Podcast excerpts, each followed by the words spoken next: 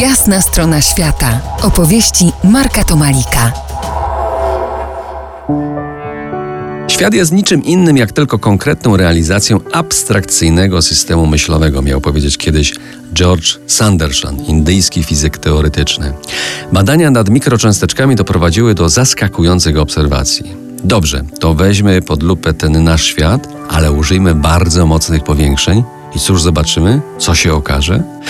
Między innymi, że w powietrzu wciąganym z każdym Twoim oddechem, every breath you take, jest atom, który niegdyś był w płucach Mozarta, Bacha, Einsteina czy Marilyn Monroe. Czy to możliwe? Najzupełniej. Materia pozostaje przecież w nieustannym ruchu. Nasze atomy też wędrują dalej do innych, także tu i teraz za naszego życia.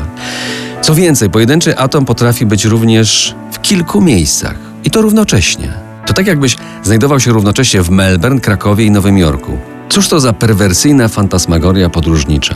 Przyznam, że często rozbudza ona moją wyobraźnię. Jeszcze? Dobrze, chodźmy krok dalej. Okazuje się, że prawa fizyki kwantowej nie wykluczają podróży w czasie.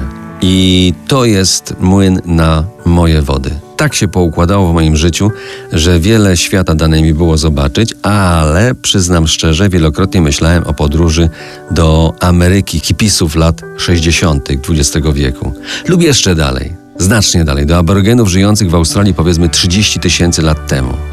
W sensie fizyki teoretycznie jest to możliwe, ale potrzeba do tego niewyobrażalnie dużo energii.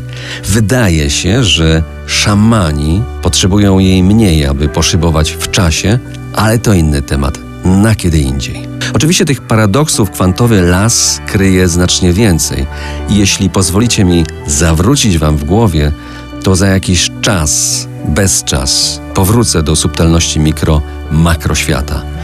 A za tydzień w realu zabiorę Was na święta do Australii. To była jasna strona świata w RMF Classic.